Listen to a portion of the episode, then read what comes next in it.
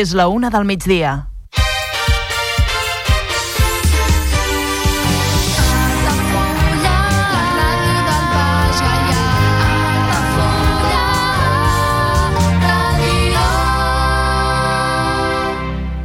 Altafulla, Ràdio. Serveis informatius.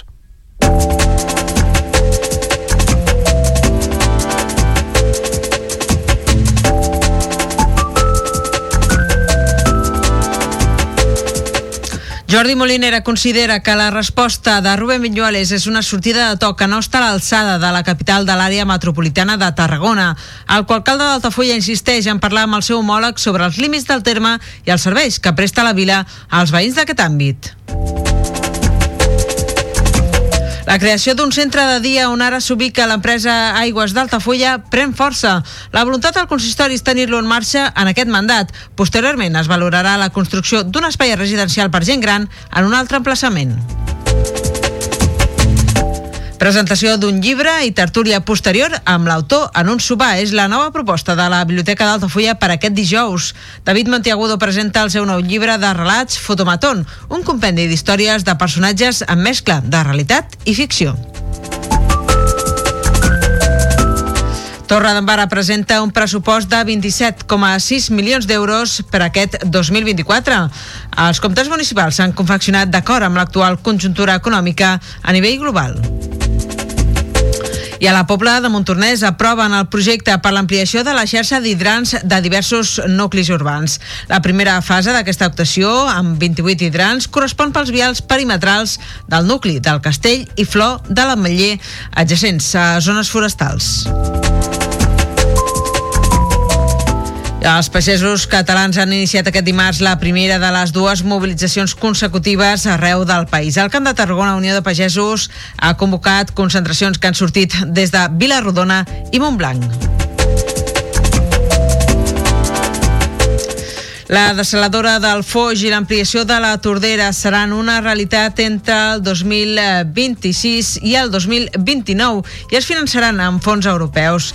Estat i Generalitat també acorden portar aigua des de Sagunt a Catalunya si arriba a fer falta com a solució immediata per combatre la crisi actual. I en cultura us destaquem que la Sala Trono de Tarragona la Sala Trono de Tarragona reflexiona sobre la pèrdua de la identitat col·lectiva a través de l'obra A curar. A l'estrena de la temporada de primavera, l'equipament fa una xerrada prèvia a l'espectacle, en aquest cas sobre turisme de creuers.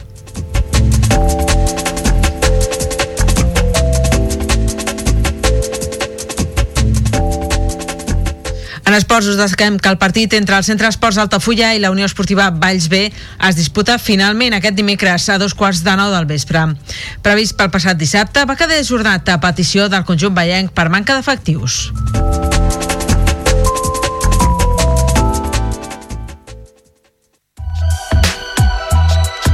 Altafulla Mar Hotel. Esdeveniments familiars, comunions, batejos i casaments i reunions d'empresa. Sales privades amb llum natural, terrassa i accés al jardí, des de 10 fins a 200 assistents. Altafulla Mar Hotel, el teu espai de confiança per a les teves celebracions familiars al barri marítim d'Altafulla. Demana pressupost sense compromís trucant al 977 65 11 55. Altafulla Mar Hotel. Altafulla Mar Hotel patrocina l'informatiu.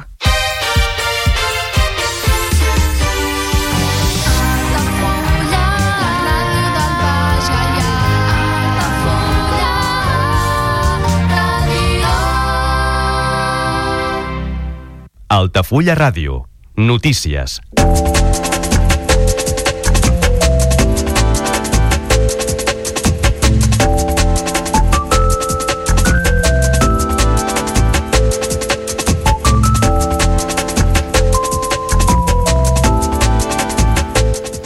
La resposta de l'alcalde de Tarragona a la proposta d'Altafulla per modificar el límit d'ambdós termes municipals no ha estat ben rebuda pel govern altafollenc.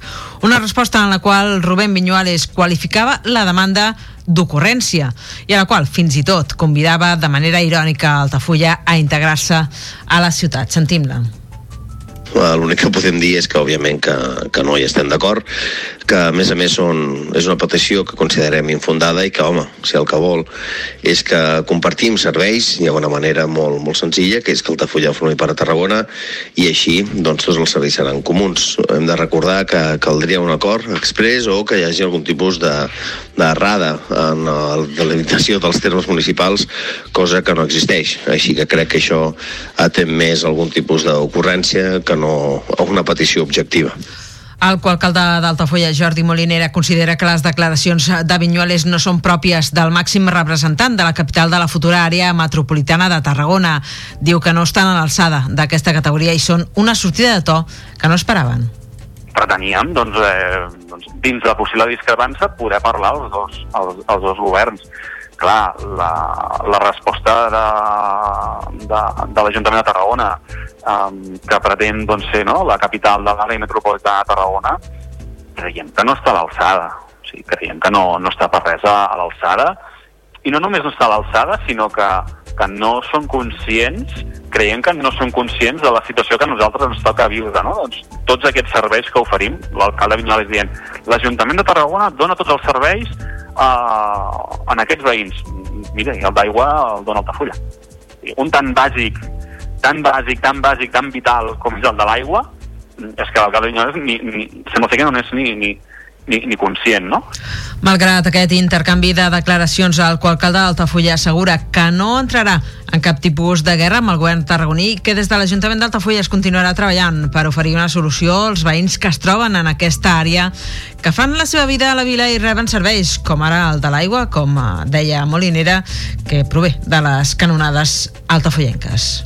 per part nostra, doncs, eh, preferim no tenir sortida de to com la, la que ha tingut al nostre entendre l'alcalde de Tarragona. No entrarem en cap tipus de, de guerra. Potser ell això li pot interessar per tapar algun problema, eh, alguna situació complicada a, Tarra, a Tarragona Ciutat, no? el tema de les zones verdes i això. Nosaltres aquí no, no hi entrarem. Nosaltres el que volem és eh, posar solucions a problemes que, que la ciutadania ens, ens expressa uh, i creiem que és la nostra, la nostra màxima, màxima responsabilitat. Ens sap greu la sortida de to, Molinera ha recordat que aquesta demanda parteix d'una qüestió de la qual sempre se n'ha parlat i afirma que és ara quan s'ha decidit fer el pas de posar-ho en ferm sobre la taula. D'aquesta manera es veurà si la modificació del límit de terme i la integració a Altafulla d'aquesta setantena d'hectàrees és possible. però el que nosaltres no farem serà quedar-nos de, de braços creuats. És una cosa que al llarg dels anys doncs, eh, se n'ha parlat molt, sobretot des de la part d'Altafulla, evidentment, però mai s'havia donat aquest, aquest pas. Doncs eh, nosaltres el donem que, que la Generalitat ens dona la raó. Eh, perfecte, solucionem el problema que tenim de gestió d'aquests espais i si no ens donen la raó, doncs, doncs ens quedem, quedem igual i amb el dubte es resol. Des d'Altafulla s'insisteix a parlar amb Tarragona i es lamenta que s'hagin tirat enrere dues reunions programades per fer-ho. La primera, prevista pel passat dijous, posposada per temes d'agenda de Vinyuales, i la segona, prevista per aquest mateix divendres, també posposada oficialment també per agenda, tot i que Vinyuales hauria expressat públicament la seva negativa a parlar d'aquesta qüestió. La voluntat de Molinera és entregar en mà a l'alcalde de Tarragona la memòria on es justifica la petició per ubicar en el riu Gaià la frontera natural amb la ciutat. Si no es produeix la trobada, el document es faria arribar igualment a l'alcaldia a través del registre. Per altra banda, la demanda pel nou límit de terme passarà pel plenari d'Altafulla el pròxim 22 de febrer i un cop previsiblement s'aprovi, aquesta es celebrarà la Generalitat, qui actuarà d'àrbitre. Aleshores serà un comitè tècnic que- qui valorarà la petició i tindrà en compte les al·legacions a favor i en contra de les parts implicades, tant de l'Ajuntament de Tarragona com de la resta d'administracions superiors i també veïns. Tenen 60 dies per fer-les.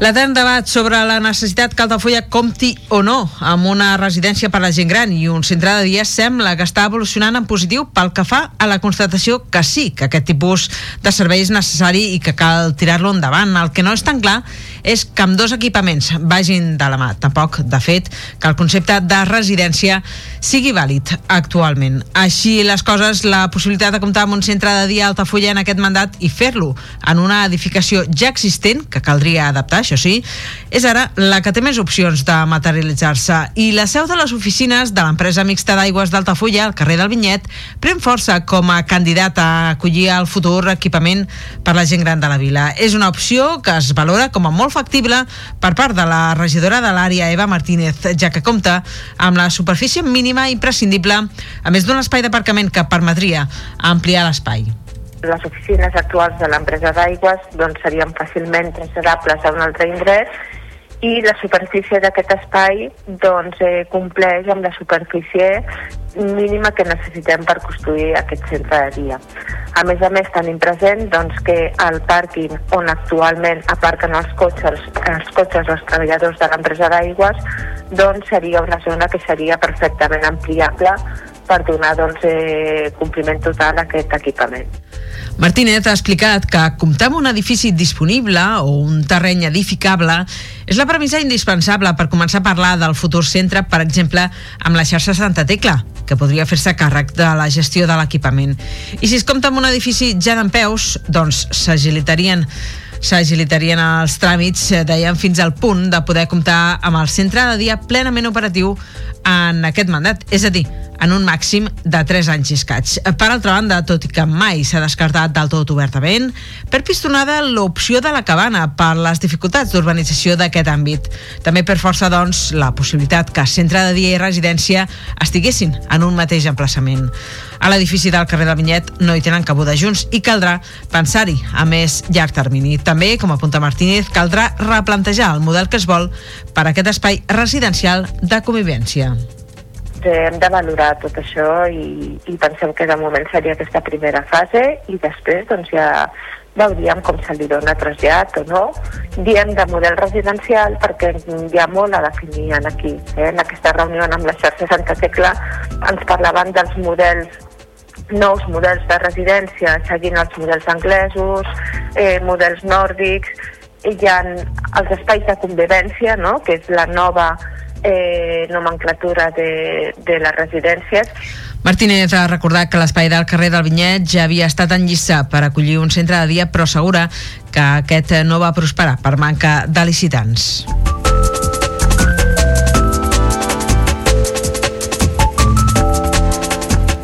I obrim eh, plana cultural amb una proposta que ens arriba de la mà de la Biblioteca d'Altafulla i és eh, per aquest dijous. És una nova presentació d'un llibre que es preveu que sigui d'allò més especial, segons ens han explicat des de la biblioteca. S'hi ha convidat a assistir a tots els integrants dels clubs de lectura amb els que compta la biblioteca, a més dels usuaris del servei i públic en general. A més, eh, després de la presentació i la pertinent tertúlia amb l'autor, es podrà anar a sopar amb ell prèvia reserva i pagament de la PAT per continuar desgranant el llibre i descobrint més sobre l'escriptor. La directora de la Biblioteca d'Altafulla, Helena Cobos, ho ha assenyalat als micròfons d'aquesta emissora com una de les activitats més destacades d'aquesta setmana farcida de propostes culturals i festives també a la vila. I després, com a cosa especial, aquest dijous tenim la sort de que ens visitarà un autor molt interessant que es diu David Monteagudo, un autor de llibres entre ficció i fantasia, bueno, té també molts contes curts, i presentarà el seu llibre Fotomatón. És un llibre també de contes curts, estarà present ell i estarem tots els clubs de lectura d'aquí del poble, però és un acte obert a tothom i, i que després, a més, tindrem la possibilitat, aquelles persones que vulguin, d'anar a sopar també amb l'autor. L'autor convidat aquest dijous és el prolífic i reconegut David Monteagudo, que presentarà el seu últim llibre Fotomatón. És un recull de relats curts que el mateix Monteagudo qualifica com a novel·les curtes que fan doncs, un, un exercici de síntesi que li permet escriure només allò essencial, gairebé diu com si es tractés, salvant les distàncies, d'un haiku japonès. Tot i la brevetat dels textos, explica que aquests narren històries carregades de significat que fan reflexionar, que emocionen o que fan riure, i que es basen majoritàriament en la realitat, tot i que també s'hi dona cita la ficció. I que són novel·les perquè totes elles jo el que no, el que no m'agrada és escriure sobre coses, per dir-ho així, eh, anecdòtiques o insubstancials, sinó que totes, eh, home, tenen, tenen una càrrega, una, una càrrega en alguns casos existencial, en altres dramàtica, i també són retrats de personatges, de personatges reals, i algunes són, algunes són més, més inventades, inclús de, pot ser la fantasia o inclús ciència-ficció en algun cas. Qui vulguis eh, descobrir més eh, sobre la nova proposta literària de Monteagudo pot atensar-se a la Biblioteca Municipal d'Altafulla aquest dijous a les 6 de la tarda. L'accés és lliure i gratuït i per assistir al sopar, però, cal contactar amb les bibliotecàries per reservar.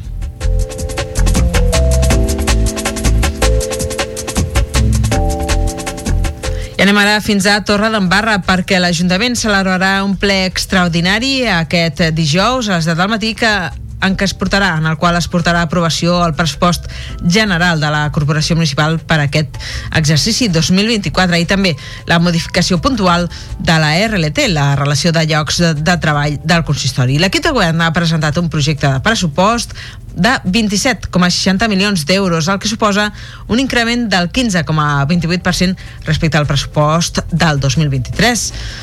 L'alcalde de la vila, Eduard Rovira, ha explicat que es tracta d'un pressupost que s'ha confeccionat d'acord amb l'actual conjuntura econòmica a nivell global. Per tant, s'ha tingut en compte l'increment de l'IPC, l'increment dels tipus d'interès, també un augment de les retribucions dels empleats públics, el compromís de millora de serveis de recollida de residus i de neteja viària i el compliment legal d'objectius fixats per directives europees. Igualment, l'alcalde Torrenc ha dit que l'augment destacat dels comptes es deu al fet que l'any passat ja tenien previst utilitzar el romanent més tard per tal de cobrir despesa corrent. Enguany, en canvi, ja s'ha inclòs aquesta despesa des d'un inici. Ho ha explicat en la presentació d'aquest pressupost. Són declaracions recollides per l'emissora Ona la Torre.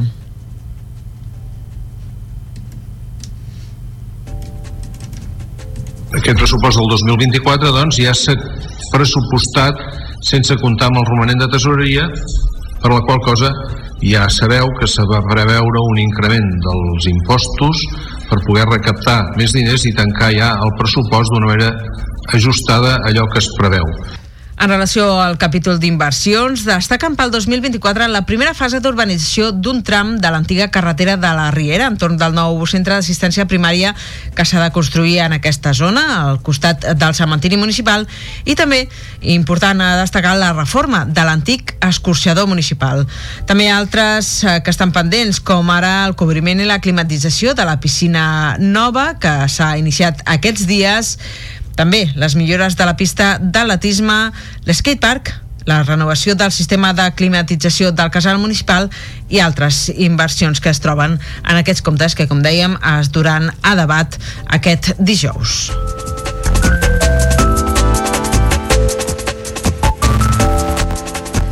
Mentre a la Pobla de Montornès eh, s'ha aprovat el projecte per ampliar la xarxa d'hidrants als nuclis del Castell, de Flor de l'Ametller i de Poble Mar amb 118 hidrants en total.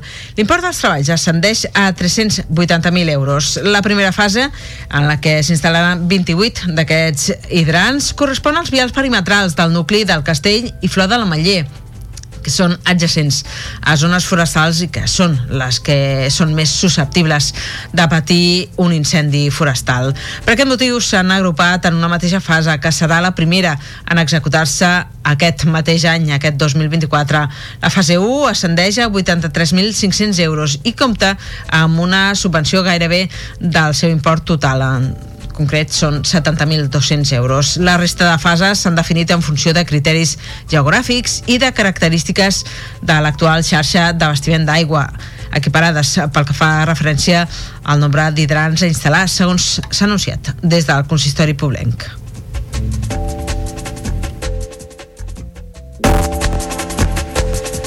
Moment ara de fer una petita pausa per la publicitat. Tornem de seguida més actualitat de la resta del Camp de Tarragona i també l'actualitat esportiva. Fins ara.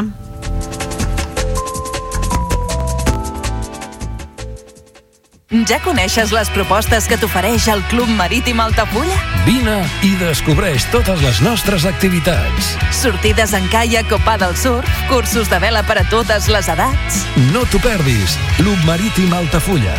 Obert tot l'any i per a tothom. Comunions 2024. Dates ja disponibles amb sales privades, jardí, pàrquing privat i la millor gastronomia. Més informació i reserves al 977 65 11 55 i a comercial arroba altafullamarotel.com o al web altafullamarotel.com. Les teves celebracions familiars a l'Altafulla Mar Hotel. La pilota torna a rodar i el centre d'Esports Altafulla jugar una temporada més a Altafulla Ràdio. Els groc i negre reben el filial de la Unió Esportiva Baix en el primer partit de la segona volta al Joan Bijuan per intentar fer bo el punt obtingut a Vallmoll amb la cinquena plaça a l'horitzó. Aquest dimecres, a partir de dos quarts de nou de la nit, segueix el partit en directe a través del 107.4 de la freqüència modulada, al web 3 altafullaradio.cat, l'aplicació per a dispositius mòbils o la televisió digital terrestre. El futbol més modest sona Altafulla Ràdio.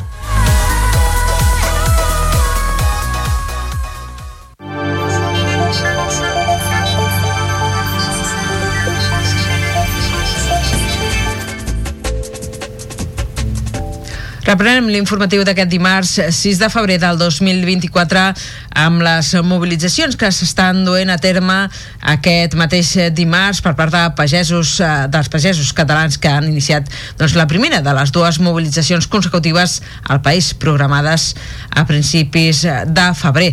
També s'estan eh, tenint lloc, eh, també tindran lloc, com dèiem, aquest dimarts i dimecres, en aquest cas també dimecres a la plana de Lleida. Algunes d'aquestes mobilitzacions les ha convocat Unió de Pagesos, que en la resta participa en defensa de la situació arran dels costos de producció desmesurats i pels greus efectes de la sequera, a més de l'accés de burocràcia, com han explicat en un comunicat.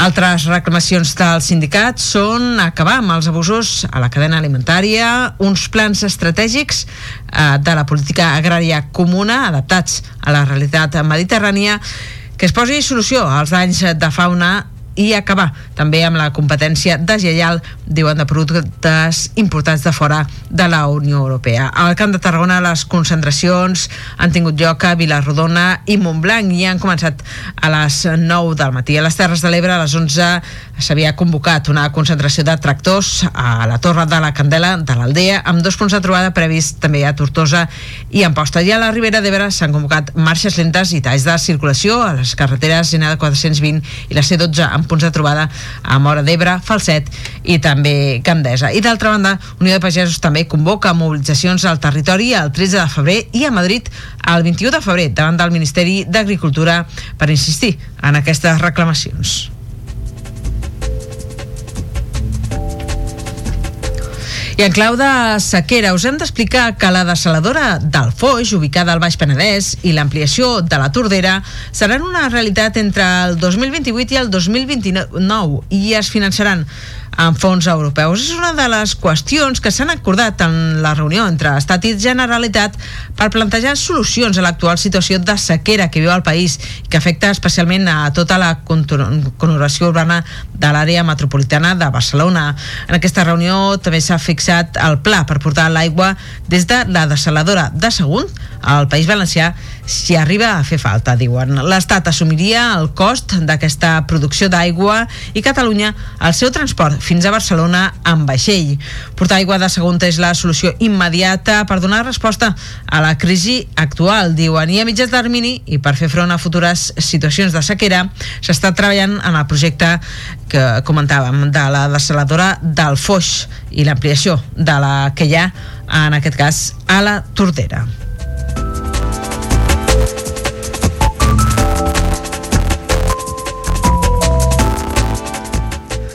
I en Cultura a Tarragona us proposem eh, una proposta de la Sala Trono de Tarragona que reflexiona sobre la pèrdua de la identitat col·lectiva a través de l'obra A curar de Produccions de Ferro. L'actor Toni Gomila es posa damunt de l'escenari en un monòleg en què utilitza una matança del porc per tractar la desaparició de la societat de generacions anteriors i, per tant, de la manera com vivien i es relacionaven amb el món. La proposta s'ha complementat amb una xerrada prèvia que s'ha fet a la llibreria La Capona i que ha abordat el turisme de creuers de la mà de la plataforma Stop Creuers i Adorem Hard Rock. Segons l'artista, la xerrada ha servit perquè el públic diu, vingui amb els deures fets a veure l'obra i pugui reflexionar sobre com el turisme de masses incideix a la confecció de la idiosincràsia popular. És el tercer cop que la Sala Trono de Tarragona acull l'obra Acurà, de Produccions de Ferro. És una metàfora sobre la desaparició d'una cultura i una societat que va pertànyer a generacions passades i de la qual s'han esborrat els seus valors. L'obra busca també induir a la reflexió sobre la globalització i els efectes que té en les comunitats que tenen el turisme de masses com una font de recursos econòmics.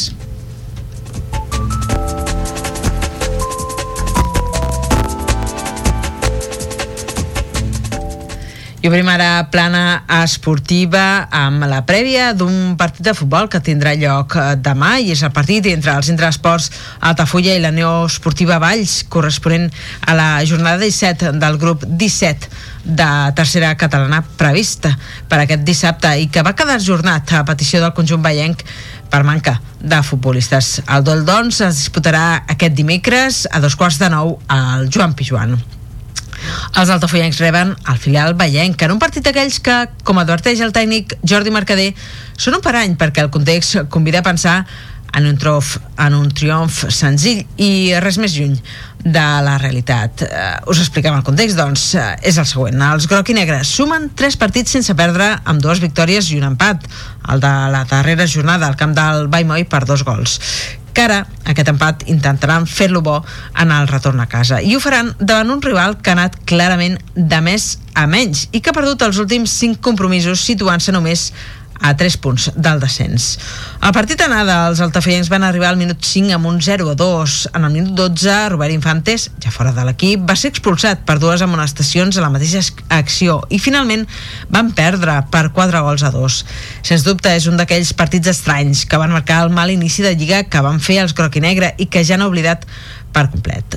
De fet, ara la sort ha canviat i són els de la capital de l'Alcamp els que travessen per un mal moment. Ara bé, enguany ja han demostrat allò que són capaços de fer i, a més, tenen l'opció de baixar jugadors del primer equip que milita a la Lliga Elite. El partit serà retransmès en directe per aquesta casa per Altafulla Ràdio amb la narració del nostre company Marc Pérez i l'equip de transmissió habitual a través del 107.4 de la freqüència modulada i les diferents vies eh, que teniu per escoltar aquesta emissora.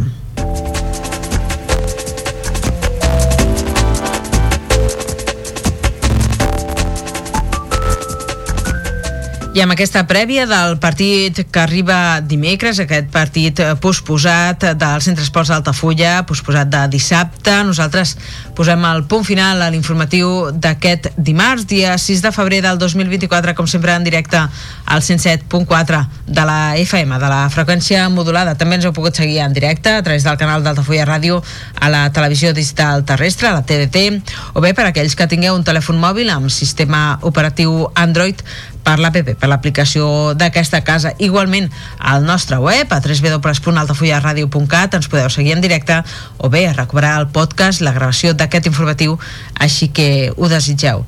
També el perfil d'Altafulla Ràdio a les xarxes socials Facebook i X, Twitter, està actiu per portar-vos l'última hora del que passi a casa nostra. Res més, des d'aquí, des dels estudis d'Altafulla Ràdio, ubicats al carrer Marquès de Tamarit de la Vila, tot l'equip que fem possible aquest programa us saluda ben cordialment, en especial una servidora que us està parlant en aquests moments la Carol Cubota, que us envia una forta abraçada. Ens retrobem a les eh, pròximes edicions de l'informatiu d'aquesta casa. Que vagi molt bé el dia. A reveure.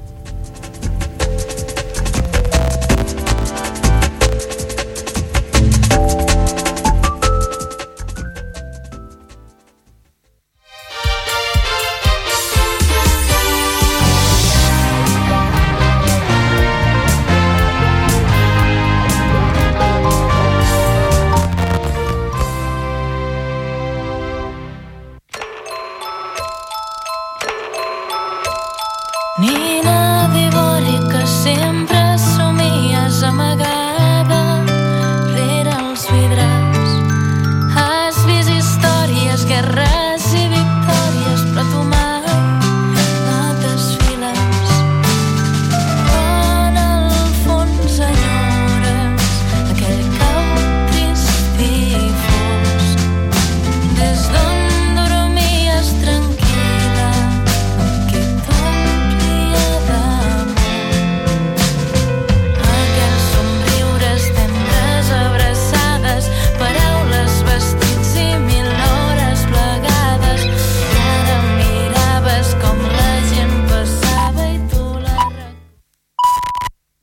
Altafulla Ràdio. La xarxa.